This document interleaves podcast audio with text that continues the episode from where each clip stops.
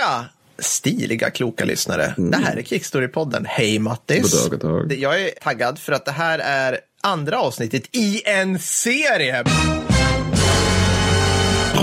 I know. Cliffhangern som vi slutade med förra avsnittet var, vad pratade vi om då? Storm 333. Another victory, Commander. Ja, och eh, du pratade väldigt mycket om att Afghanistan inte är ett riktigt land. ja, jag vet. Svenska Afghanistan-kommittén har hört av sig. Nej, det har de inte gjort.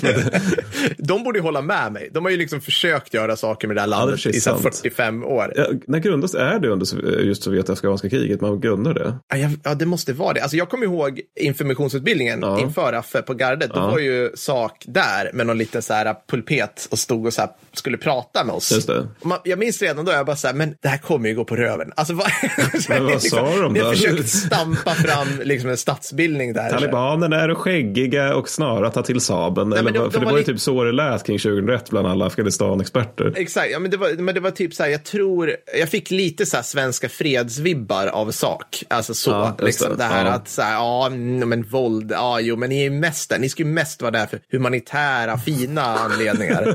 och man visste ju redan då, så här, jag bara, men de gräv, det enda vi gör är att liksom röja vägbomber för att de vill ha ihjäl oss. Ja, just det. är det. liksom, så här, vad är liksom hearts and minds? Det skulle vi ha lyckats med 27, typ så här, ja, liksom. ja. Eh, ja, precis. Det där fick saken en slev. eh. Äntligen har vi utmanat även de- den organisationen på ädelkamp i den här podden. Nej, men det är skönt. Eh, Det, det är konstigt det här med att vi ibland, jag ibland kallar oss för den minst gnälliga antikrigspodden. Och lik förbannat är det att vi alltid går till storms mot de som vill ha fred. De är så dåliga. De är lika dåliga som svenska nationalister, Ja, svenska så. fredsivrare. Ja, ja. Faktiskt. Ja, de, är, de är bara Putin-kramare allihopa, Ja, känns det ja, men det var ju typ så här Jeremy Corbyn eller vad fan det var som så här, så när, när det var bombningar i Libyen där bara, vi måste ta ut trupperna omedelbart. och sen så när det gäller kriget med Ukraina, det är bara så här, ja men parterna måste mötas och man måste komma fram till någon form av kompromisslösning. Ja, så kan det vara. Ja, Men- det här är i varje fall avsnitt två av fyra, ska vi Ja, säga. det det. Så eh, jag vet inte hur mycket du har missat om du inte har tittat på första avsnittet.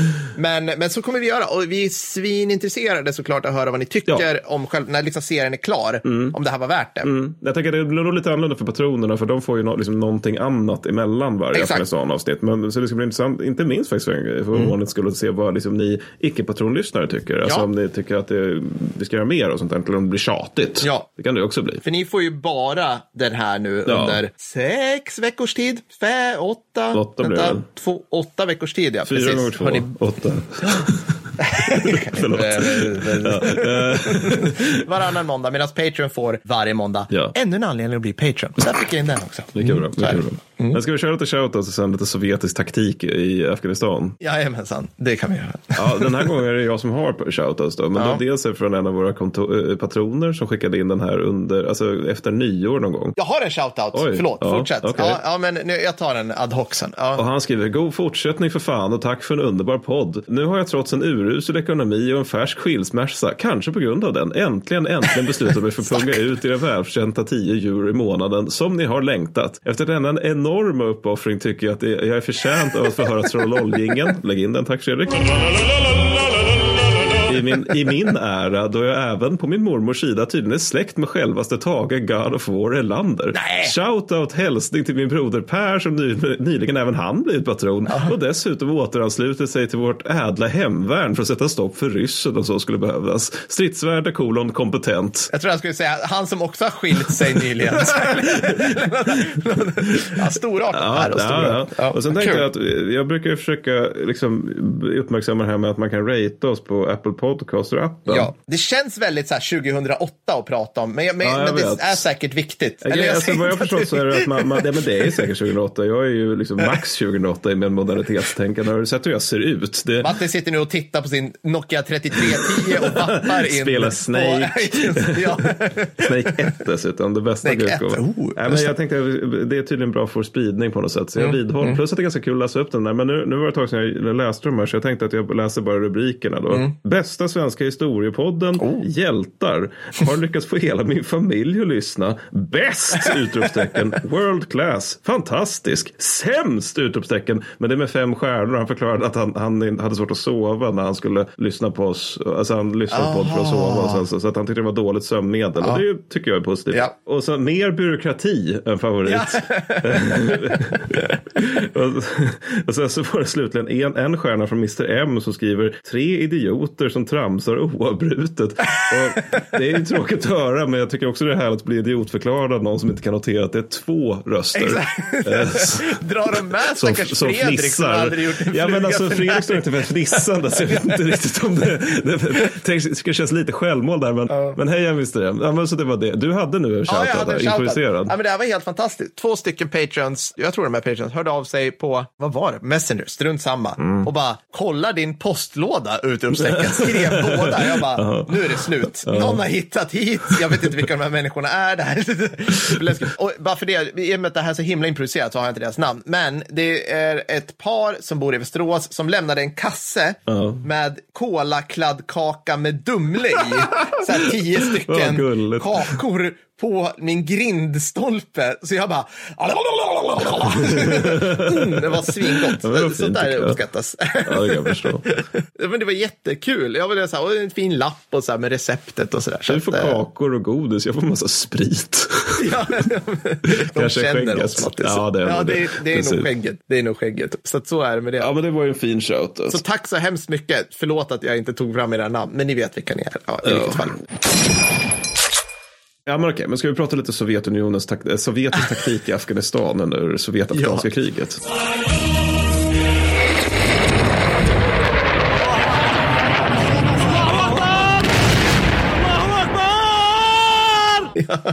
Som, som inte är helt orimligt. Och det här ska tilläggas. Det här kommer i för en gångs skull inte bara vara Ryssland LOL. För att Nej. som vi var inne och tassade på lite grann i förra avsnittet om det här. Så det här känns lite grann för min del i alla fall. Och tror för din del också. Som den tid när Sovjetarmén och för den delen ryska armén är liksom i varje fall i närheten av det vi västerlänningar alltid tror Ja, att de är. Alltså exakt. att de uppvisar liksom någon form av kompetens här så. Det var ju bara tråkigt att de bestämde sig för att utkämpa asymmetriskt krig där typ ingen är kompetent. I varje fall när man ska vara de som slår ner en gerilla. Men, men okej, i varje fall, de utgår från sina erfarenheter då. Och med det avses faktiskt inte andra världskriget riktigt. För att de, de ser ju det här som att det är en pacificeringskampanj. Alltså att det, det, man ska slå ett uppror i praktiken. Så det, de utgår då från ingripanden i DDR, Ungern och Tjeckoslovakien. Ja. Mm. Det vill säga inte från hur Afghanistan är beskaffat utan hur de här liksom uppbyggda centraleuropeiska Liksom enhetsländerna, eller kanske Tjeckoslovakien är ett så bra exempel på det, men, men hur de är strukturerade. Så här, goda kommunikationer i centrala Europa, typ så här. Ja, precis. Ja. precis. Fungerande elnät, rinnande Ja. vatten. Ja. Så vidare. Också att det finns en representant för Ja. dem man strider mot. Så, för, för det är en folkgrupp, liksom. Eh, i varje fall i Ungern och Östtyskland. Och, och alla, inklusive västvärlden förstås, är ju överens om att det här kommer bli en lätt match. Ja, ja, ja. Mm, Såklart. Det är trots allt Sovjetunionen mot typ så här stamkrigare med vapen som de tror från britterna på 1800-talet. Ja, ja. Och eh, västerländska militäranalytiker gör prognoser. vad, tror vi det blir med dem för? tar man med sig in på toaletten och sen har man toapapper för resterande delen av kriget. Nej, men fall just- nästan till liksom. Ja. Just i varje fall i det här fallet för att man, de oroar sig för att eh, den sovjetiska offensiven ska ta sig från Afghanistan till Persiska viken. Mm. Liksom när allting är färdigt. Så lite av en glädjekalkyl för vi har här några grundproblem. ja, inte så några grundproblem. Utöver Ryssland LOL. Nej, precis. Utöver Ryssland. Utöver Ryssland LOL har vi några grundproblem. Ett är att Sovjetunionen försöker alltså hålla ett område som är cirka fyra gånger så stort som Sydvietnam. Mm. Med en femtedel så stor styrka som amerikanerna hade för att hantera det området. Precis. Det är lite lite. Det är lite Med lite. tanke på att amerikanerna i Sydvietnam gnällde hela tiden på att de hade för lite troops Ja. in country. Ja. Det är ju så här Westmorlands lösning på det där hela tiden. Det är bara, hundratusen till och mer napalm.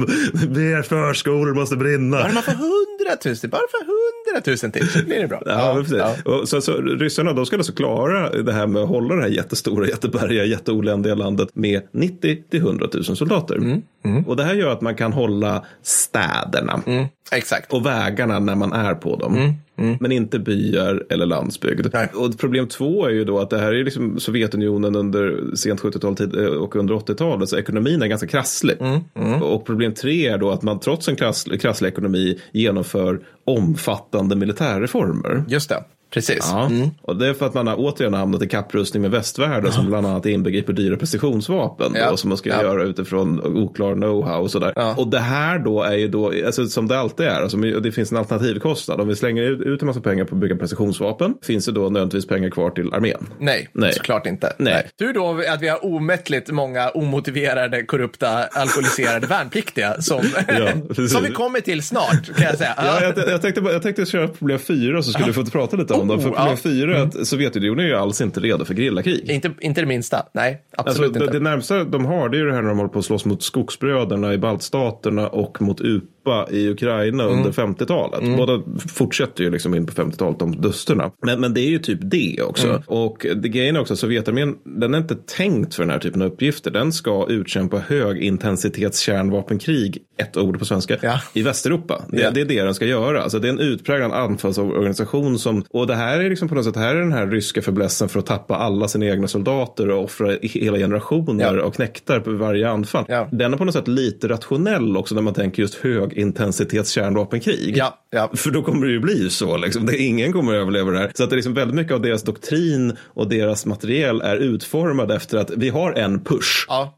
Sen kommer ni dö och Ja. då kommer det nästa push och sen förr eller senare är vi ute ur Fuldagapet och vi når liksom Ja. eh, kanalkusten. Och sen ska vi bara ta oss till USA också. Ja. Men, men, men, alltså att det, det finns en form av rationalitet i det. Men det är ju inte heller det, är inte heller det som det här blir riktigt. Nej, verkligen inte. Verkligen inte. Har Mujahedin atombomber till exempel? Eh, inga vätterbomber. Förlåt, förlåt, det var tramsig men, fråga. men liksom, nej men typ, och så bara kasta in, men kasta in lite stingers helt plötsligt. Och så, så här, den, hela den här eh, helikopterdoktrinen som Sovjetunionen håller på med. Men, men okej, så här, vi- vilka är då som ska, som ska invadera Afghanistan? Ja. Vilka är det här som ska, stackarna som ska göra det här? Det stackarna. En glada gamänger. Ja, men, men typ lite så. Okej. Vi, vi- från basic nu. Mm. Alla i Sovjetunionen, all, förlåt, alla män gör värnplikt i två år. Mm. Det är liksom grunden. En del av den här tiden kommer du då tillbringa i Afghanistan. Så det, det är av värn, det rena värnpliktiga under deras värnpliktstid Mm. som man liksom skickar in i Afghanistan. Nu jävlar är det krig! Så jävla sjukt. Ja, precis. Men så, där? så, så att en, en, det det är inte så att du utbildas i, i två år och blir någon så här form av dunder-KB-elev eller något sånt där, eller reservare, utan GSU är 8 till 10 veckor. Wow, such competence. Ja, okej. Sen åker du till din enhet. Ja. Så du, om jag fattade rätt så hade man hade en, en slags central utbildningsplats på något vis. Och sen skickades du ut då till där 14 motorskyttebrigaden, Mattis, eller divisionen. Ja. Där. Och där får du utbildning slash stryk i de enheter du skickas till. Ja, för det här kommer göra dig bättre, till bättre soldat via knytnävsslag. Absolut. Ja, men du kommer dit och de bara, ah, nej men tyvärr, vi, eh, vi är inte i den här utbildningssnurran än, så att du kommer få skörda potatis, måla om huset, du vet, klippa gräset typ i åtta månader. Det, det är så här verkligen så här två konstanter när det innebär att vara rysk soldat oavsett årtionde Ja. under 1900-talet. Det är så här, du får spö Ja. och du får hålla på med grå arbetskraft. Ja, exakt, exakt. Det är så De två jävla... grejerna liksom. Kommer du ihåg, var det något, när du gjorde värnplikten, var det mycket snack om grå arbetskraft? För det var det, minns jag, så här, Värnpliktsnytt 2006. Ja, det var typ så här snack om att man inte skulle hålla på med det. Och jag har faktiskt inget minne av att vi gjorde det heller. Det var inte mitt kompani. Det var liksom inte så där att vi skulle hålla på och kratta gruset Nej. på, eh, framför ka- kas- eller kasernen. Liksom. Vi hade inte heller så här, det var mycket typ så här, sitta i vakten är grå arbetskraft. Ja, alltså, det, var det. Den, Mm. det var den stilen, om jag minns rätt. Ja, det typ. närmsta var nog att vi var, låg på beredskap vid något tillfälle med en skyttegrupp och då så var det något larm, jag tror jag berättat det här någon gång, men det var något larm som gick i något lager någonstans och då fick vi gå och liksom vakta det. Det antar jag att det kanske kan ses som grå arbetskraft, men det var ju samtidigt en skarp uppgift, även om, alltså det var inte...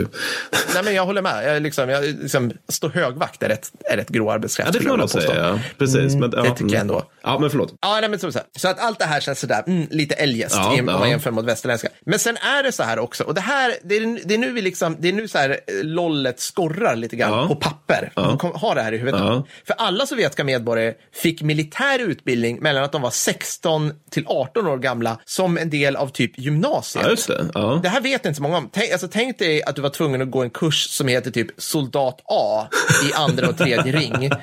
Där du, där du två timmar i veckan får lära dig det militära regelverket, militär organisation, hantering av eldhandvapen och lite annat smått och gott. Så liksom du går från matte matten och sen går du in i klassrummet bredvid och där ligger en AK47 på varje skolbänk det, och så får ni ta isär, isär ihop Ja. i en timme medan typ någon så här trött lärarinna läser från ett liksom, ja, eh, vital del, håll upp liksom. Alltså, det, och det, det är också så här, det, det, är klart, det är klart du inte blir spetsnas av det, Nej. men det är fan i mig en rätt hög startpunkt Jo. att alla är FBU-elever liksom, på något vis. Liksom. Men, men fråga, var det här för att de skulle bli bra soldater eller var det för att de skulle, för att liksom man i den här typen av auktoritära och totalitära system gillar att ha liksom enlighet, enhetlighet i med, bland medborgarna? Så att man försöker skapa ett vi genom att de får marschera och sånt där. Mm. Alltså, för det gjorde man ju till exempel Japan och Nazityskland också under kriget. Så... Svaret är nog ja. Okej, bra. Mm. Ja. Jag. Nej, men, som, som jag fattade liksom, analysen gjort, är, är till för att du snabbare ska komma in på banan när du väl rycker ja, in. men det är ingen dum idé om man vill ha en stor armé. Nej, nej men så här, obligatorisk FBU-kids. Liksom, så här. Får jag köra en liten grej med dig, Mattis? Eller får jag Ja. köra, ja, så här, för att om jag får breda ut mig lite grann det här med Sovjetarmén på papper. Alltså som du sa, så pikade vad vi tror Ja. Sovjetarmén någonstans här. Ja. För om du, så här, om du är en utomjording, Mattis, som sätts ner på jorden någon gång i slutet av kalla kriget. Du tittar på en massa organi- organisationstabeller och liknande för världens alla väpnade styrkor. Du kan inget om soft power. Nej. Noll. Nej.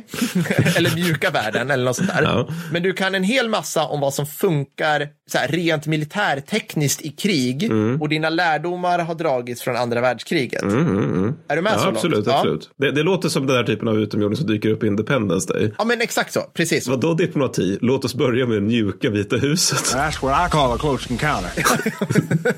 Ja, men, ja, men lite så. Men, men du, du ska liksom, du ska, du ska kora en, en liksom den bästa armén Ja, på ja, visst, jorden. visst, ja. så här, utifrån, ja. Vi tittar lite på Sovjetarmén nu då. Fordon, mekaniserade och eller splittskydd, splitterskyddade sedan fucking 60-talet. Japp, japp. 60-talet. Jag blir bara så här. Ni vet, alltså 60-talet, då Sverige hade mot slutet av 60-talet några hundra PBV 302 Mm. och resten av hären i bästa fall hukade sig för luftbrisaderna och vätebomberna under galon och pannben. Ja, Ni ja. vet, det är 60-talet. Det är 60-talet, ja. Och det är också det här att vi sedan dess har haft den här stående ambitionen om att vi ska splitterskydda infanteriet och Ja. konsekvent Ja, misslyckats Ja, med ja, det. ja. Alltså, alltså, farsan när han ryckte in så här 83, Ja. det var fortfarande galon och 30 bilar. Alltså på riktigt. Så. Så, och jag menar det här är under den tiden, alltså BNP-ettorna kom då, USA, men hur såg det ut i resten av världen? USA åkte i bästa fall runt i M113, Mm. vilket är en lådbil med en 12-7 på. Är ingen förbannad vapenstation här inte. De skulle alltså möta BNP med 7,3 cm kanon och PV-robot. För det finns med BNP. Det, det, det är en asymmetri i den här eldkraften får man ändå säga. Ja, men så här, okej, ryssarna hade BTR 60 till 80 Mm. med Akan eller tunga kulsprutor fy- 14,5 Ja, millimeter. Vi hade KP-bilar med Tintin-kulsprutor. alltså, alltså, alltså det, det, det, och jag vet att folk bara, "Ja, men det var inte hela Sovjetarmén. Nej, men det spelar liksom ingen roll. Nej, är det nej. tio divisioner så är det fortfarande typ det vi behöver bry oss om. Ja, liksom. de, de kommer vara jobbiga att ha att göra med. Ja, och liksom, alltså, vi förstår nog inte hur, hur tidigt det var. Det är svintidigt. Soldatnivå då, Matte, som jag varit inne på tidigare. Du som alien nu då, Mm. Ja, du vet ju mm. att du, du har liksom lärobok, det, i krig är bara det enkla möjligt. Mm. Finns det något enklare än en AK47? Alltså rent, finns det något hemmamoppen? Ja, det skulle vara KPs 45 då möjligtvis. Men... Ja, ja, men, ja men, kul att du säger det. För att alltså, AK47, den infördes ju 47. Mm. Ja, just det. Fattar du hur tidigt Ja. 47 är? Ja, precis, alltså, exakt ja, för att det där är lite lustigt. Man brukar ju ibland, eller Wearables brukar ju ta upp det Eller förlåt, 49, men den, började, liksom, den var klar 47. Ja, och men, sen- men ja, bara tänker att det är lite lustigt för Wearables brukar ju ta, ta upp det här med att STG 44 kom och Mm. alltså, respektive 43 kommer liksom tidigt för att den kommer igen under andra världskriget. Ja. Men AK47 den är väl till skillnad från STG 44 någonting som kommer ut en masse. Ja. Alltså som finns på förband i skala. Och jag menar, vad, vad är det jänkarna drar runt med i Afghanistan i början av det, eller i Vietnam i början av det kriget? Det är väl Ja. typ M14. M14. De har väl det till ganska stor del. Då. Ja. Alltså M16 kommer väl senare under Vietnamkriget. Alltså, jag, jag blir helt, man blir helt matt. För så här, du kan, alltså, den kom ut på förband, förlåt, 48, 1948. Mm. Ja. Västarméerna, Ja. alla västarméer utan undantag, hade då i bästa fall en garand eller en k-pist. Ja, det är sämre. Folk gick runt med repetergevär och gruppchefen hade en k-pist 45, Ja, en Stengun, ja, en. Thompson. That's it! Ja, Yes. De möter alltså i det här fallet folk med automatkarbiner Ja. i 762. Och jag vet, jag vet, alla säger nu men Per, men Per, men Per. Du har ju sagt tusen gånger att AK är en snuttefilt. Det är en. Ja. Men möter du en K-pist Ja, och du har 762 eller ett gevär. Eller, eller en Mauser i, i, svenska hemvärnets regi. Alltså re, rena duellsituationer blir ett problem. Så Ja. det, Jag vill säga, mängden blir, du kan alltså, du kommer alltså vinna eldöverlägsenhet bara genom att så här, och jag har skjutit AK47, den är rätt nice, för det är liksom första steget är ju automat. ja, ja. Smack. Stegrar sig som en jävla häst, men, men den är ändå, ja. den är fantastisk. Ja, nej men okej, vad, vad finns annars i skyttegrupperna då, kan man säga då, på militärlägsta soldatnivå? Ja, RPG 7, Mm. du vet, det där understödsvapnet som senast för tio år sedan gjorde hål i Apache-helikoptrar Ja, i. Afghanistan. Ja, Du vet, det här, ja. det här som aldrig behöver uppdateras Nej. för att det funkar, verkar det som. Ja, precis. För, och det, det som också verkar vara ganska lätt att använda. För det, det är så fort man ser du vet, så här, vag milis i Centralafrika Ja, som har så ja. här, övrig beväpning är machetes och hagelgevär. Då har de just RPG 7 med sig. Absolut. Alltså, hur fattig den kan vara så har du en RPG 7. Mm. Det, liksom, det, det är rätt smart för att den är lätt. Det är liksom mindre bakblås än en GRG. Mm. Lätt, mycket lättare ammunition. Alltså vi hade, de, de liksom ana-människor vi hängde med, jag kommer ihåg en snubbe, han, liksom, han hade den, tänk dig i en konken-ryggsäck. alltså en tygryggsäck, så hade han så här sex stycken RPG-granater. Ja, men det, sådana tror jag har sett faktiskt. Alltså, va- hur de, jag tror jag har sett specifikt dem. Ja. Ja, precis. Så att det är så här, ja, okej. Så att det ser bra ut, för du som är utomjording. Du bara, men det här är ju mycket bättre. Alltså, Mm. hög momentan eldkraft, okej, inte så många medeltunga bandmatade kulsprutor, Nej, men nej. du har ett RPG 7, du är fucking mekaniserad. Mm. Okej, så tittar du ner så här, vad mer var av vikt? Vad, vad orsakade till exempel förluster under andra världskriget, Mattis? Artilleri. Jajamän! Ja.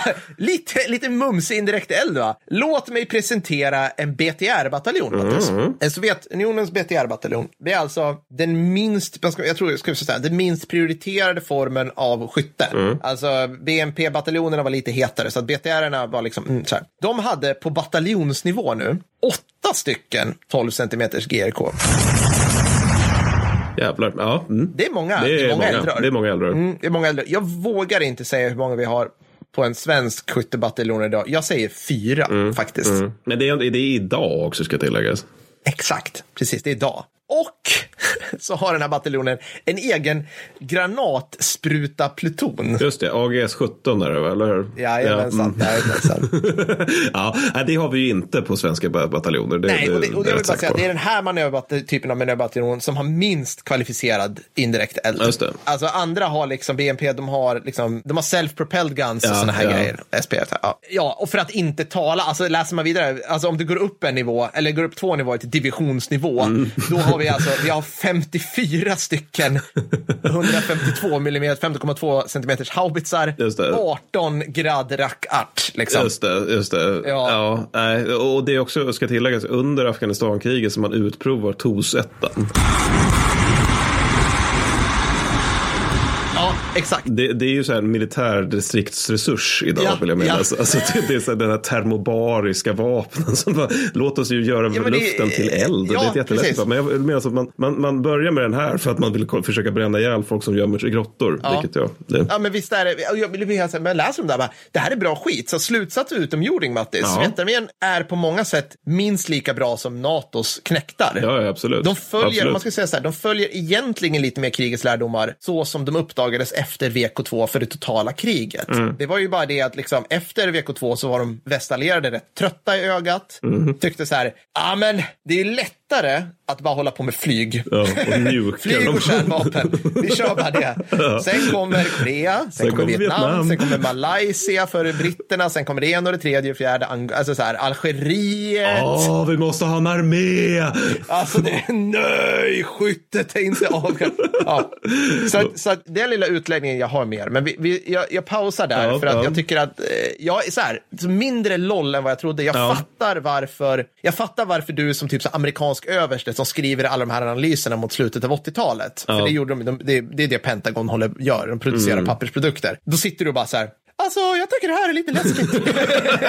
Jo, men också, att man, man kan ju tänka sig att den där eh, militäranalytikerna som jag eh, drev med tid, eh, längre upp i den här Ja, podden, ja, eh, tidigare podden eh, den, den, alltså, de gjorde väl just det också, alltså att de utgick bara från hard factors ja, exakt, precis. Eh, Alltså, och det är inget konstigt för det är svårt att, att mäta mjuka värden. Ja. Det är svårt att mäta vad är moralen liksom, bland skytteförbanden. Hur ser, alltså, är, är utbildningsnivån i paritet med det det ska vara på pappret till exempel? Exakt. Det går ju liksom inte att mäta för en utomstående. Nej, nej. Men liksom, hur tar du hänsyn till den galopperande korruptionen som fuckar Ja. upp precis allting? Eller som är liksom så här ryggradsreflexen hos ryssar, punkt.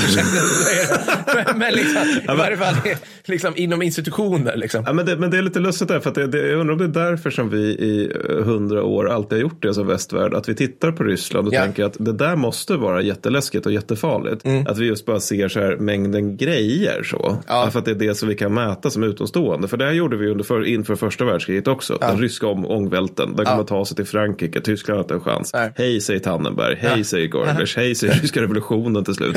Eller för den delen, hoppas att det här stämmer när vi släpper det här avsnittet. Men för den delen inför Ukraina-kriget. Liksom. Alltså, Det var ju samma jävla hajpande. Att de kommer komma med T14. De Ja. kommer komma med ja, allt vad det nu var de Men, komma men med. jag undrar om vi begår samma misstag mot oss själva eller om det är någon form av medialisering. För det är mycket så här, liksom, ska man säga, alla försvarsbeslut någonsin som jag har sett, läst någonting om i media, alltså mainstream, då är det så här, kolla, vi köper så här många stridsvagnar eller så här Ja. många JAS eller så här många. Men det är, det är väldigt, alltså det är bara på så här obskyra, så här, eller obskyra, så här, militärdebatt eller debattsidor eller sociala medier där man säger, jo, jo, men kolla vad vi blöder GSSK. Så Ja, det spelar liksom ja, ingen roll precis. om vi köper de här skitfräsiga vapensystemen, för det finns ingen, det finns ingen som kan hantera dem. Nej. För att vi har inga anställda, för vi betalar för dåligt. Eller ja, mm, mm. X, Y, Z liksom. Så. Jag, jag tror att man kanske går på det själv också lite Precis, grann. och sen, men sen också för den delen medialiseringen, alltså man, det, det tror jag kan stämma, men jag tror också när det gäller medialiseringen så undrar jag om det kan vara så att det, den här att vi tenderar att övervärdera eh, ryska arméer i eh, över ett århundrade, att det kan kanske också ha, ha en enkel medielogik. Alltså att om du 1913 i Berlin vill sälja en tidning, mm. Ja,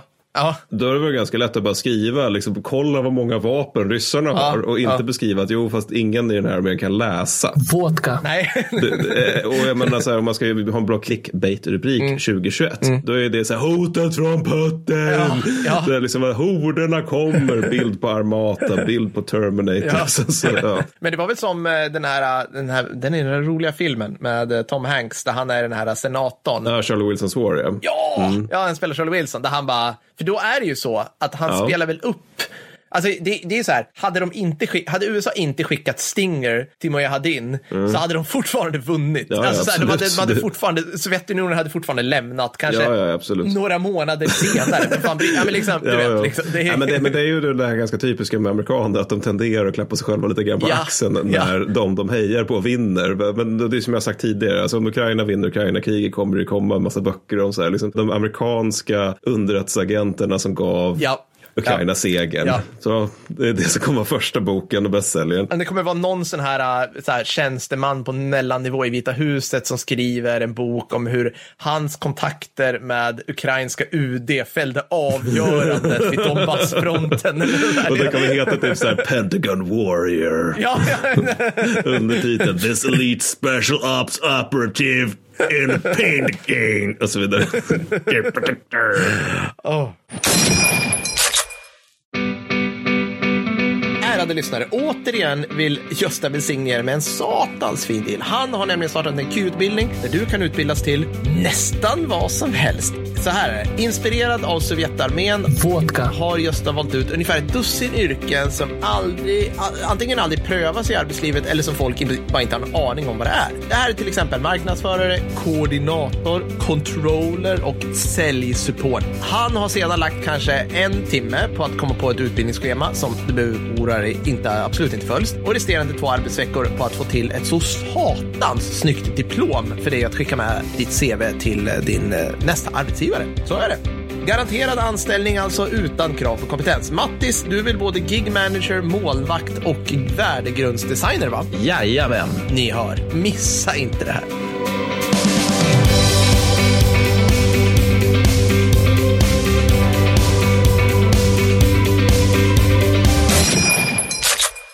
Men okej, vi, vi tappar ämnet lite grann. Ja, men, men, men, Ja. men angående det här med hard factors då. Jag har ett exempel på när, när just man har hur en hard factor leder till dåliga soft factors i Afghanistan. För den här mekaniseringen, den är ju svinbra eh, faktiskt. När, om, om det är liksom så här, vi ska pusha från Fuldapasset till kanalkusten. Men just den här mekaniserade inställningen får alltså eh, faktiska konsekvenser för den sovjetiska soldatens personliga utrustning. Och också hur man tänker kring den. Ja, för att alltså, sovjetiska soldater förutsätts utgå från sina pansarskyttefordon. Det är så de är utbildade och det är fullt rationellt. Så är inte fallet i bergiga Afghanistan. Nej.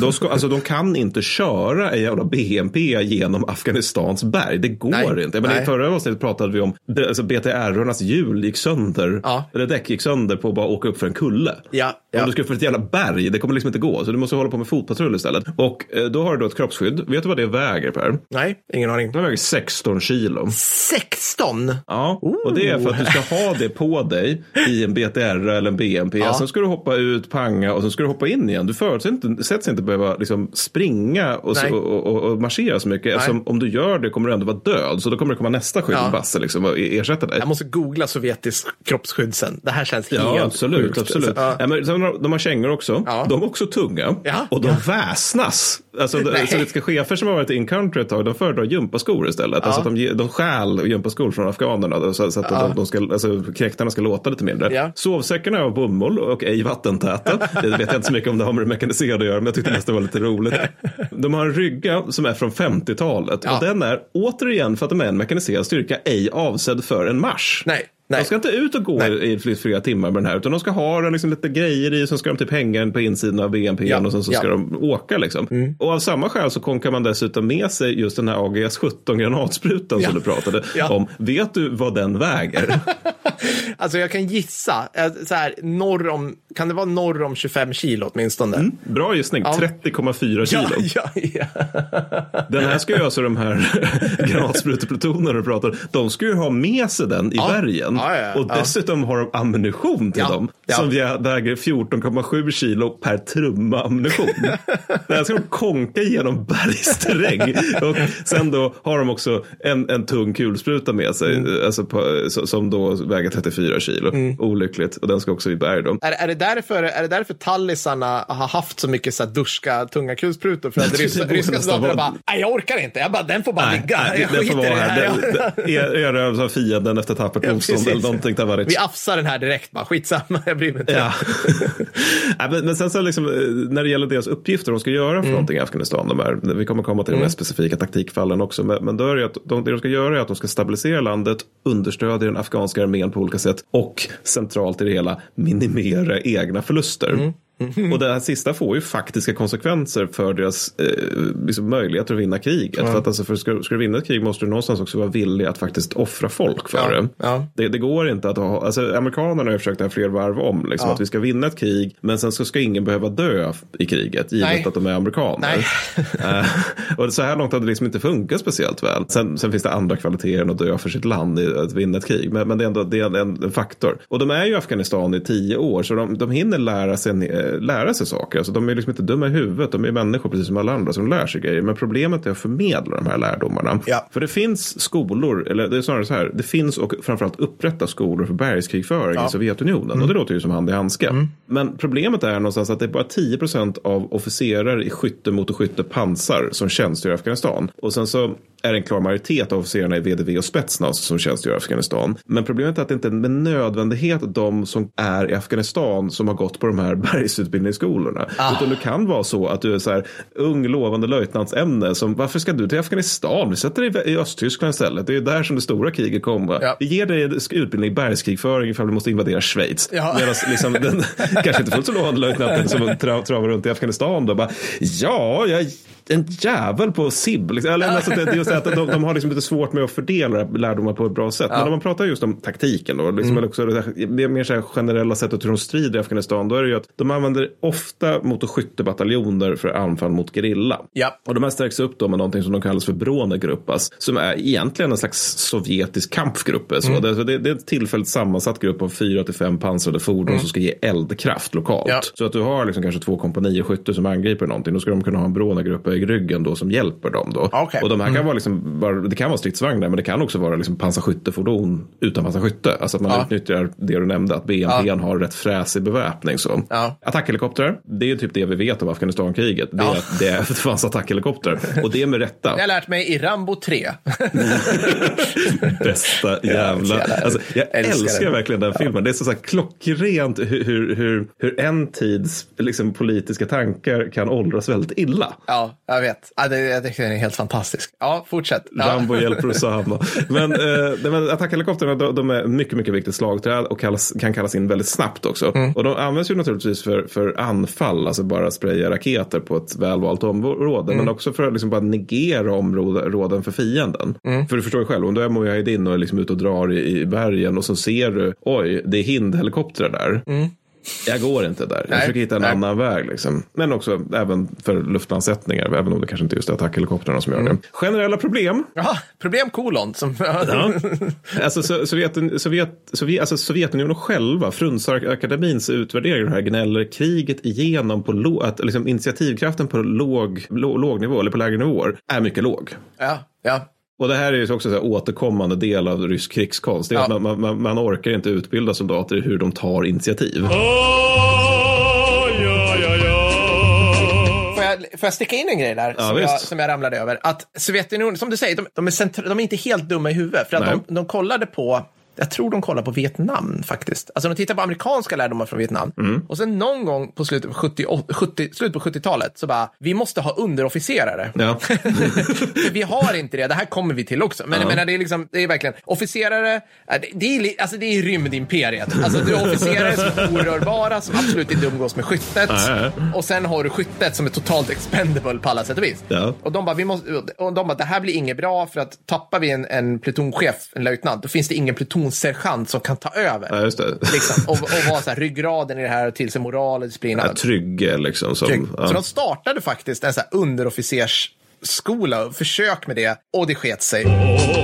För ja, att naturligtvis. det är liksom, samhället var absolut inte, alltså sovjetiska samhället var absolut inte redo att ge tillit, kompetens och meritokrati till den samhällsskiktet som då skulle kunna tänkas bli underofficerare i det fallet. Liksom. Ja. Platoon sergeants, eller som vi fanjunkar och sånt där som vi kallar idag sergeanter. Liksom. Jag vill bara, det var bara ett instick där. Så att, sen gick man tillbaka till värnpliktiga gruppchefer. Typ, som, Men bara, ja. Jag tänker så här, liksom att man har ju haft underofficerare i hundratals år i liksom riktiga arméer och det finns nog ett skäl till det. Jag tänker. Jag de, det de, kan. Mm. de, de, kan, de kan nog vara bra att ha. Ja. Så. Men, men du nämnde den där stora eldkraften som vår utomjorden skulle titta på. Eller jag Mm, just bara säga när det gäller det med initiativtagande och Ja. sånt. Det är en annan sak inom VDV och Spetsnaz. De, de, de är, det blir i alla fall bättre under kriget, att de Ja. blir bättre på att tänka på fötterna och sådär. Men alltså just det här motorskytteförbanden, de förblir helt lealösa. Ja. Men när det gäller det här med den här eld, eldkraften som du nämnde, vår utomjording tittade på det hela. Ja. Det är ju det här att ryssarna har det med sig in i Afghanistan, men de har väldigt svårt att utnyttja det på grund av A, de slåss mot en undanglidande gerilla, B, Mm. de har bergsterräng som, bi, som bidrar till liksom skydd och skyl. Så. Mm. Men sen så blir ju liksom så ryssarna bättre under kriget och det här är så här typisk grej som jag tycker jag alltid läser om Mm.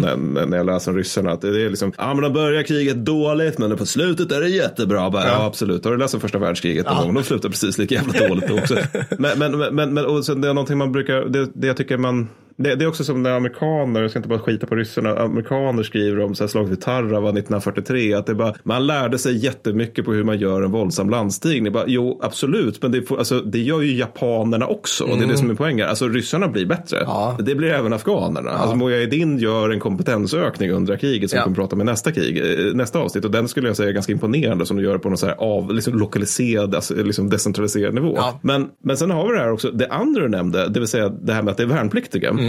Hur fungerar det med dem? Alltså är de in country tills kriget är slut? Nej, nej, nej. De, nej, nej. De är ju där, åh, är de där ett år? Nej, jag kommer faktiskt men inte ihåg. De ja, roterar liksom. alltså, Ja. De roterar, de roterar så att de åker in och sen precis när de är bra, duktiga Mm. då roterar de ut och åker hem och har PTSD och blir alkoholiserade. På precis det sättet som inte funkar i Vietnam. Det vill säga att du, Exakt. du plockar in enskilda värnpliktiga. Exakt, Mm. exakt.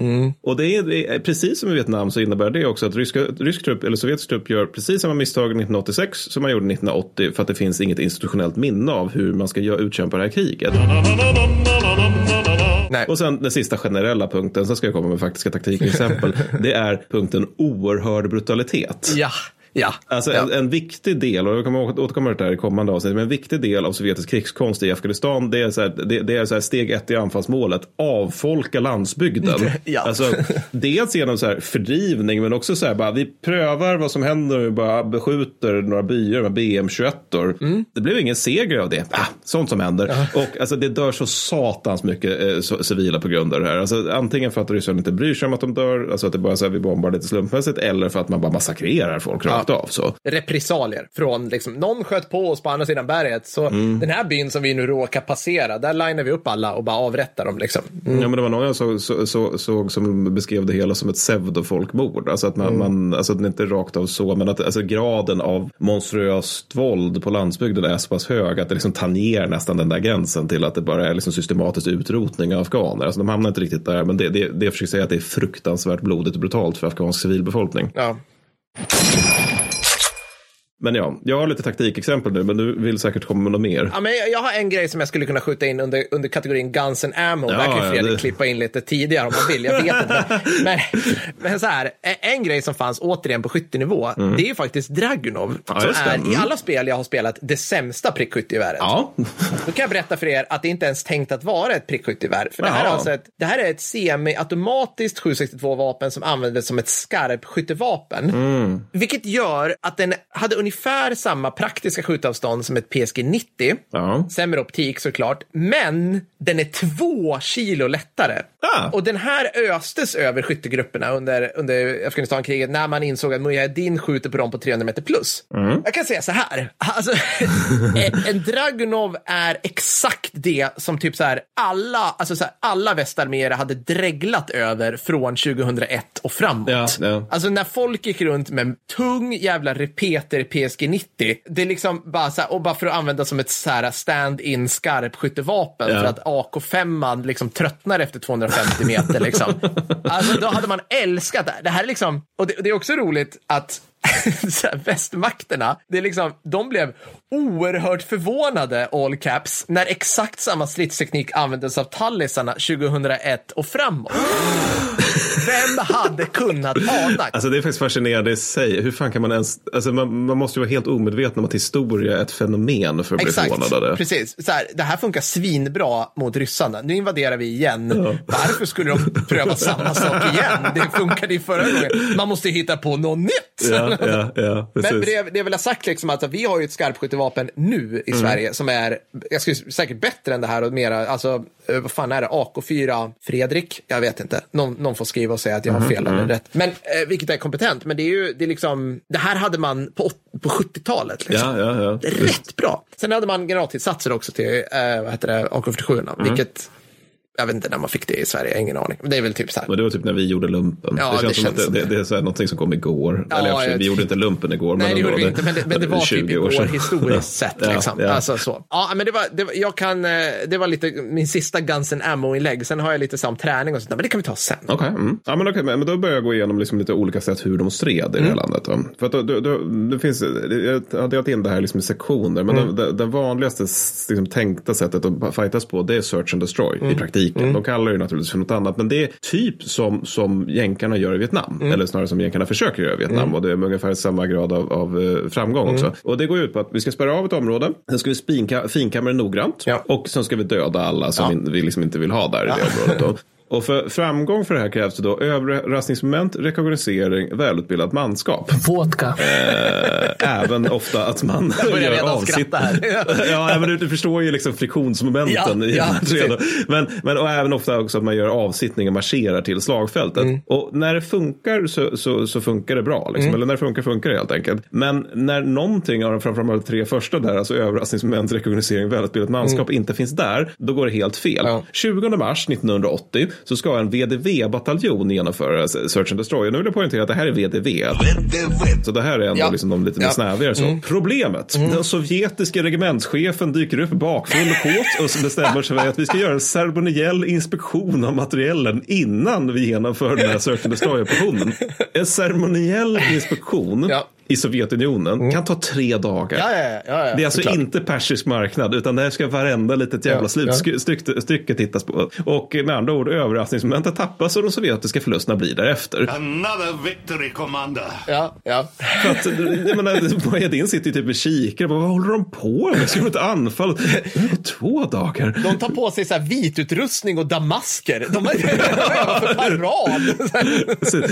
Ja, ja, nej, men vi tar väl lunch Ja. då. Kommer de nu? Nej, det gör de inte. Vi gräver här lite till så vi är ännu mer förberedda. Så, Ja, ja, precis. Nej, men, tiden. re- rekognosering kräver ju också att man inte underskattar fienden. Vi- vi- Vilket ju är liksom någonting man gör konsekvent under hela kriget på grund av återigen man roterar ut folk hela Jajamän, tiden. jajamän. Och just det här rotationsgrejen gör ju också att ibland måste officerarna lära sig ren elementa via, ren svår, via, via svår erfarenhet. Till exempel att eh, high ground, bra ställe att hålla.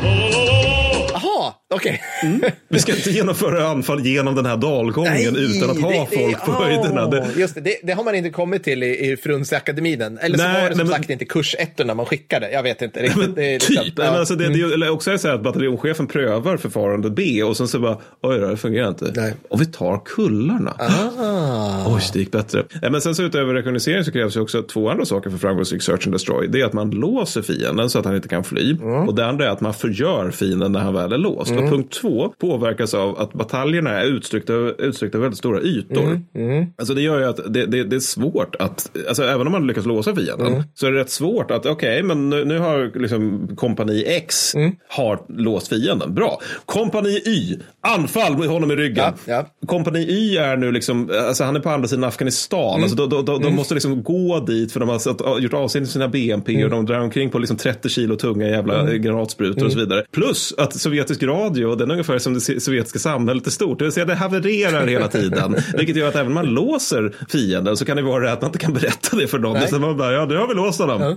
Kuken, vi har ingen radio till batterier. Eller batterier till radion. Sen, sen så är det ju också sånt här med att sovjetisk överlägsen eldkraft, det är naturligtvis viktigt. Mm. Det, det gör ju liksom att de, kan, de har i alla fall liksom potential att tillfoga fienden mycket högre förluster än de själva lider. Mm. Men det är inte heller allt. Alltså i maj 1984 så är det en VDV-bataljon som spränger sig igenom, alltså verkligen bara artilleriar sig igenom 14 kilometer terräng. Jaha, alltså är terrängen så pissig att den är, vad är det för terräng? Nej, men tänk, tänk, tänk, dig- men det är bergsterräng. Tänk dig att det är liksom som en korridor som de bara liksom boom, boom, boom, boom, Ja, boom, ja. och sen framrycker de bakom det. Ja, väldigt VK1 måste jag säga. Där, ja. Så- så Douglas Haigues invasioner från 1917 knackar på dörren och säger hej. Men, och de är jättestolta för de, de genomför det här anfallet utan att förlora en man. Mm. Man skriver rapporter om det hela där man hänvisar till att vi använde liksom våra, vår indirekta eld på ett bra sätt och det gjorde att vi liksom inte förlorade folk den här gången. Problem kolon, Afghan, afghanerna har inte heller förlorat en enda krigare då av det enkla skälet att de gick sin väg Ja. när artilleriet började dundra ner och sen kom de tillbaka när VDV hade gått. Another victory, Commander. Så kan det ju vara.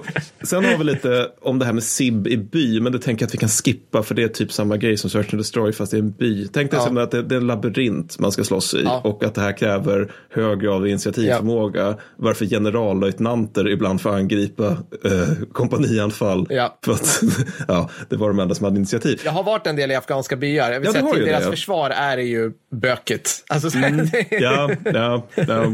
Nej, men, men, så jag tänker jag skit jag diskar den punkten istället så, så kör vi luftlandsättningar Per. oh, nu blir det sexigt. Ja, Ja, precis. Får jag höra Fortsätt sån Fredrik? Alltså börja där. Fast liksom den sovjetiska versionen. Så jag vill ha lite vodka i det här Ja, också. och typ så här vodka och dragspel. För det antar jag så här, det, det, det, det, kan du hitta for- Fortsätt sån på dragspel? Vad, vad, är, vad är Fortune Sun-varianten i afghanska kriget? Det, dragspel. Narkotikaberoende i mus- musikalisk form. Lika mycket heroin som 72 i amerikanska med, men Hey, my friend. You know what's the best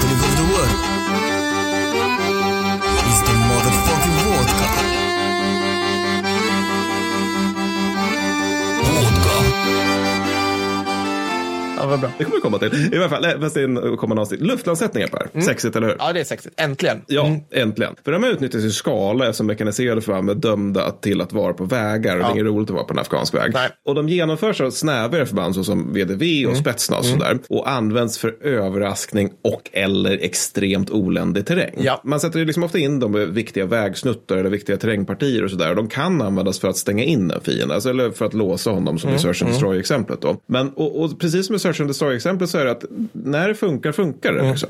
Förstås, Ja. för att det, det, det är bra med luftlandsättningar Ja, ja, ja. ifall man lyckas få dem att fungera. Ja. Men precis som med alla luftlandsättningar i världshistorien så finns det också otaliga exempel på att det här kan, när det inte funkar så funkar det verkligen Ja. inte. Exempelvis så hinner en VDV-bataljon 1983 inte landa innan fienden förvarnats av, eh, av att det kommer liksom en Brånegruppa. Ah, aha. Så att du har liksom VDV som kommer med sina helikoptrar, sina stora muskler och sina, sina randiga töntiga Telniaskas.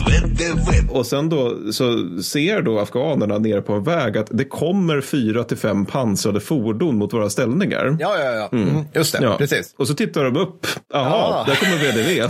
så, så, att, ja. så ergo kommer liksom fienden undan och kan inte ha bra ställningar innan VDV landar. Mm. Och då har vi den här tråkiga lätt infanteri stormar mot nedgrävda kulsprutor. Ja, ja, ja. Ingen bra grej. Nej. VDV är också, liksom, de är ju då för lätta för att driva ut dem och få sålunda ta väldigt höga förluster på grund av att återigen de så, fienden såg en Brona-gruppa som var ute och börnade terrängen. Another victory, Commander. Och sak samma, samma gäller när VDV sätts in utan tillgång till indirekt eld, vilket sker Ja. ganska ofta. Ja. Då kan dock, då, det är flera, till flera tillfällen det uppstår så här riktigt röviga situationer. Mm. Annan grej, det är ofta problem med försörjning av de luftlandsatta. Mm. För det är ju en grej, sätta in dem. Bra, vi har satt in dem. Vad ska vi nu göra för att de inte svälter ihjäl? Varje gång? Precis. Det här med mat kommer ju alltid som en stor överraskningsmoment i varenda luftlandsättningsoperation i historien. På något vis. Ibland känns det som. Liksom. Ja, men, eller hur? Eller hur? Ja, men Mm. Exakt så. Och, och, och orsaken till de här problemen med körning är dels då att man ofta genomför de här grejerna i mörker eller liksom i, i skymning. Så. Och det här är någonting som sovjetiska piloter har svårt att hantera på grund av att de har inte lika god tillgång till bildförstärkare som de kanske borde ha. Nej. Så, att, så att, ehm, det kan ju bli att man sätter in dem lite var som helst, man glömmer bort vart de är någonstans och sen så luftlandsätter man några, några lastpallar, eller just det, sånt har inte ryssarna, man luftlandsätter lite så här mat och ammunition på, fast på fel plats. Men sen är det också på grund av ren sovjetisk doktrin. För du nämnde ju det här med AK47. Ja, ja. Den ses enligt doktrinen som någonting som både ska nedhålla och döda fienden. Just det. Vad gör, hur, om man, om man håller på med nedhållande eld Per, vad innebär det för mängden ammunition man har på sig? Det går åt, kan man säga. Det går åt som fan. Ja, ja. Så, så det, det, vi har, jag har hittat något exempel här på luftlandsatta som vid tillfälle 1985 höll på att spraya så pass mycket sina AK och var så illa försörjda Mm. att de inringade var tvungna att plocka på sig afghanerna så här liksom 1820-talsgevär Ja. för att försvara sig överhuvudtaget. Ja. Och sen är det naturligtvis alltid klassikern då, Hostomel-klassikern kan vi kalla Ja. den, när man missar afghanska luftvärnsresurser i planeringen Ja. för då blir det jätte, jättetråkigt Ja. för Telnerska-männen. Allt det här är bra. Mm. Jag tänkte bara lägga till, alltså vi, vi är inne i liksom den, den sovjetiska tekni, taktiken. Det är det vi ska prata om det här avsnittet. Och då, så här, vad är, vilket soldatmaterial har vi jobbat med? Eh, inte bara soldatmaterial, men jag tänker så här, vilka, vad är det för fortsatt grund för de här värnpliktiga som då roteras in en och en? Mm. Har de gått igenom Tigerland-utbildning? Liksom, vill de vara där? Hur ser, liksom, hur ser kulturen ut bakom dem? Liksom, skulle man kunna säga. Och då ska, vi kunna, då ska jag kunna fråga dig en sak, Matti, som du säkert känner till. Så här. Om det var samma sak för dig i lumpen. Jag vill minnas att vi sa till varandra saker när saker var lite bajs och vi var trötta i ögat. Att så här, vi gör åtminstone inte lumpen i Ryssland på grund av uselt. Jo, det, ni- det, så, ja. det gjorde vi också. Ja, ja, precis. Så efter att ha läst lite om det här kan jag meddela att det är värre än vad du trodde, Mattis. Ja, bra. Du kära lyssnare trodde nog, nej det suger. Ja. Nej, nej, nej, nej. Det är inte i närheten av så mycket som det faktiskt sög. Eller som det fortsätter suga, tror jag. Så här. Det som värnpliktiga utsätts för där skulle liksom få Arbetsmiljöverket att själv antända och brinna ner om de fick in rapporter på det här. Alltså, vi, här det är liksom, man läser Alltså man läser om liksom rena mord och så tänker man liksom på så här att när svenska värnpliktiga tycker att saker och ting är lite eljest kopplat till sitt medinflytande. liksom. Och det, jag tycker det är bra att vi är på den nivån i Det jag försvarsmakten. Missförstå mig rätt här, men bara liksom Men det få är det som dök upp innan, alldeles inför Ukraina-kriget. Alltså, ryska soldater sex, säljs som sexslavar till rysk maffia. Det var någonting åt det hållet. Alltså, Ja, det- precis. Det förvånar mig inte det minsta om man läser om så här. Så enkelt uttryckt, man, man säger det så här, så mobbas och misshandlas yngre värnpliktiga så mycket det bara går av äldre värnpliktiga. Mm. Alltså så här, om du bara tvingas att typ putsa någons kängor eller bädda säng, ställa logement så har du kommit extremt lindrigt undan Mm. liksom, i din värnplikt. Då kan du tacka dig själv. Ju mer nyinryckt man är, desto mer utsätts man för allt möjligt skit och ju äldre man är, desto mer immun är man mot det här. Mm. Så här, okej, so far prison rules, då kan man ändå tycka, men då kanske liksom, det kanske finns en, en logik som funkar här på något vis. Du mår dåligt, men du blir äldre liksom. Mm. Ja, så följdeffekterna av det här i ett krigförande perspektiv, det är att en värnpliktig som närmar sig slutet av sina två år, han kan skita i eller vägra ta order av en värnpliktig sergeant som bara varit inne ett år. Nej, men vad praktiskt. Ja, så, vad får det här för följdeffekter i ledning, ordning av ett förband? Ja, det, Rätt det, jobbiga. det, det, kan ju ett barn förstå att det här är ingen bra idé. Liksom. Alltså, Ja, men liksom så här, vad är, vad är då officerarna i allt det här? Ja, de håller sig borta från det här, utöver det så kallade osynliga ledarskapet. Och det, det här är Led liksom, via exempel, alternativt den direkta motsatsen. Ja, men det är exakt så det är. Liksom. Och detta här röviga systemet kallas för, nu ska vi misshandla ryska, Dedovshishna, Dedovshina, vilket är ungefär så, här, så som farfar gör, eller så farfarslikt. Ett konstigt. Ja, Okej, nu tänker du så här, usch Mattis, vilket hemskt arv från Sovjettiden. Nej, detta system har varit i bruk sedan tsartiden. Alltså någonstans 1800-talet tiden, vilket bekräftar alla mina fördomar om Ryssland i allmänhet och deras militär i synnerhet. Att ingenting någonsin utvecklas, liksom, att det är samma tsar och samma bojarer Ja. och samma alkoholism. Ja. Ja, ja, så att de som kommer dit till Afghanistan, särskilt från, särskilt som ska till mot eller mekskytte, de, de minst prioriterade förbanden, och inte, eh, och liksom, men också är en VDV och så här, de blir misshandlade, de blir utkränkta, mobbade etc. Ja. I princip hela sin värnplikt. Ja. Där.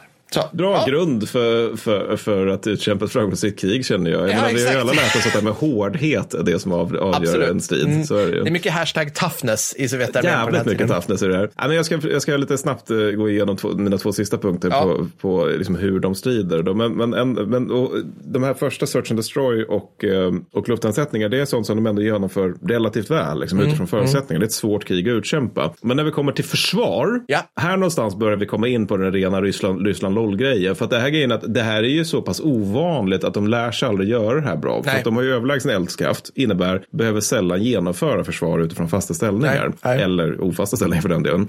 Och när det sker så är det regel på pluton eller kompaninivå, ibland på bataljonsnivå, men framförallt på de här små nivåerna. Liksom. Och när det, när det funkar någorlunda brukar man ha då, som, som får användas som QRF eller som bas bara, som någon form av basplatta för försvaret, att man slår en ring kring Brona Gruppen. Liksom. Men, men det är alltid, alltid, alltid, oavsett när, vilket år det här handlar om, så är Ja. det alltid slarv som fan när det gäller observationsposter. Ja. Alltså, det är typ att men vi, antingen, vi sätter inte ut dem, Nej. alternativt de gör inget, inte sitt jobb. Också lex Ukraina, förlåt att Ja, jag säger det. Alltså så här, att ukrainska soldater kan bara gå in i en rysk förläggning och bara, ni ligger och sover allihopa. Jaha, så ja, men, så, och det är ofta väldigt så här, lite från patrullering, försåtsminering och eldöverfall. Och orsak till det är i grund och botten sovjetisk initiativlöshet kombinerat med att sovjetiska armé är återigen en utpräglad anfallsorganisation. Vilket gör att de har väldigt lite fokus på i sån här typen av förs- alltså, elementära försvarsuppgifter. Så. En spetsnazgrupp utplånas nästan 1982 på grund av vakter som tagit middag istället för att stå post.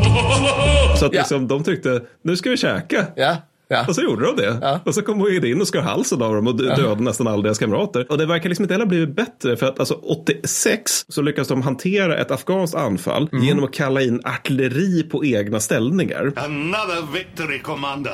Sagda ställningar är grunt grävda av indole- indolent skytte. ja. Sen sista då, det är det här med el- eldöverfall. För det, det, här är också, alltså det här är också någonting de gör, också någonting som de gör ganska dåligt. Och det, det, tanken med det hela är att man ska invänta fienden kamouflerad på en bra plats och sen döda honom. Gärna från höjder. Det här känner vi igen från liksom alla civiliserade arméer. Så, och för den delen från liksom så basalt stamkrig egentligen. Ja, aha. Det här, det, men alltså, överfall är en bra grej att göra i krigföring helt Alltså enkelt. andra veckan i GSUn i Sverige. Ja, typ men så. alltså det är en Ja, klassiker. Vi, Otroligt vi basic. människor håller ja. på att göra överfall sedan stenåldern. Ja. För att det är så överraskningsmomentet är eventuellt den viktigaste stridsvinnande faktorn. Mm. Om man utgår från war by numbers. Dock väldigt ovanligt. Och det i sig är ganska intressant. För amerikanerna i Vietnam, de genomför överfall varje natt. Mm. Alltså de skickar ut folk, det här är minst från Platoon om inte annat. Att man det, skickar då. ut någon i regnet så får de bara ligga där och vänta in ifall det kommer några vietnameser. Ryssarna de, i Afghanistan, de gör det vid särskilda tillfällen. Det är liksom lite av en happening sådär. och för det mesta är det då så här VDV och Spetsnaz plus rekförband som gör, gör det hela. Och det hela kräver ju då någon form av underrättelse och planering. Finns dessa? Går det bra. Finns det inte, vilket det ofta Jo, inte, då nej. går det mindre bra. Och man kan ju tänka så här, och de, här är liksom handplockade från en hel bataljon, sådana specialister, så att de måste ju liksom vara väldigt, väldigt, alltså de, alltså de har bra ingångsvärden i vilka soldater man plockar ut. Eh, För att när man tar med skytte för att göra det här, då går det nästan aldrig bra. Alltså då, då blir det bara en stor clusterfuck det. Men som ett exempel då, trots då att man har de här handplockade VDV Spetsnaz-figurerna, så i juni 84 så har man liksom de ska överfalla, sådär, vänta in fienden på natten. Och eh, då visar det sig då att de överfallande sitter och, och röker mitt i natten i väntan på fi. Ja, ja. Varvid det inte blir något överfall. Nej, För att fienden ser liksom små glödande punkter i natten. Bara, men då går vi inte där då. nej. Eh, I andra fall så kan afghanerna förvarnas av att ryssarna finns i närheten av att sovjetiska soldater slänger skräp omkring sig och låter sina latriner vara Alltså, kvar det är där de har varit. Så då, då finns det så här lite kladdigt snäckskal efter dem då. Så man bara, okej, men då går vi inte åt det hållet då. Nej. Så i 90 procent av fallen när man ska ha organiserat ett eldöverfall så händer överhuvudtaget ingenting. Another victory, Commander. nej. nej. Alltså det är inte ens att det misslyckas och det är ett misslyckande i sig. Alltså att man bara inte hittar fienden. Nej. Och ryssarna identifierar tre orsaker till det här då. Det ena var svårigheten med att nå bakhållsplatsen obemärkt. Ja. Mm. Elementa kan det veta. Ja. Det andra är högkvarterets krav på att ha 25 man med per överfall plus tunga understödsvapen. Ja, Bidrar okej, nog till ja. punkt ett. Ja. Och så det tredje, väldigt mycket radiotrafik från överfallet. Aha, okej. Ja, man är lite osäker på liksom vad man ska göra. Eller jag Ja, men alltså, det, här, det här är inte nödvändigtvis alltså, skyttets fel, utan det här är snarare officerarnas fel som så här, kräver att ni ska berätta när ni går, ni ska berätta när ni är framme och sen ska ni en gång i timmen berätta att ni fortfarande existerar. Ja. Och det här kan ju naturligtvis avlyssnas från afghanerna så då återigen vet att det här är en punkt där vi inte ska vara. Ja, ja, men mycket bra. Jag tror att vi har en bra basplatta här för att prata om Mujahedins taktik Mm. i, eh, i nästa avsnitt som borde bli 109 va? Om vi, Helt eh, korrekt. ja. Ja, men så, eh, det är så kul att inget förändras. Eller det är det Nej. bästa med mitt yrke, att prata historia tycker jag. Man känner igen så mycket, ja, ja, ja, ja men så här, sovjetisk stil på allting. ja. Liksom. Ja, men det var väl lite det om Sovjets taktik i Afghanistankriget. Vodka. Jag gillar Men som det. sagt, jag, jag, jag tror Mujahedin kan bli en jävla cirkus det också. Ja, det tror jag också. Ja. Ja, men toppen. Hoppas eh, du som har lyssnat gillar det här. Och eh, ja, som sagt, missa inte avsnitt ett och eh, kommande avsnitt tre och fyra. Ska vi kalla dem för det? Är det vår lilla serie här? Ja, okej, ja, precis. Ja, mm. men man kan, förhoppningen är att man ska kunna lyssna på dem var för sig ifall man bara är intresserad av vissa aspekter. Alltså. Det tycker jag. Det håller jag med om också. Nu har vi pratat lite Sovjetarmén. Det är alltid roligt. Ja. Bra. Vi hörs snart igen. Ha det bra. Hej då. Hej då. Hey, my friend, you know what's the best drink of the world? It's the motherfucking vodka.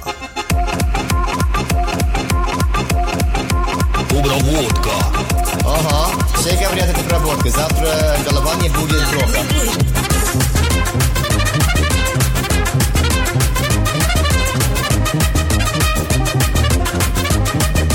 Добра водка.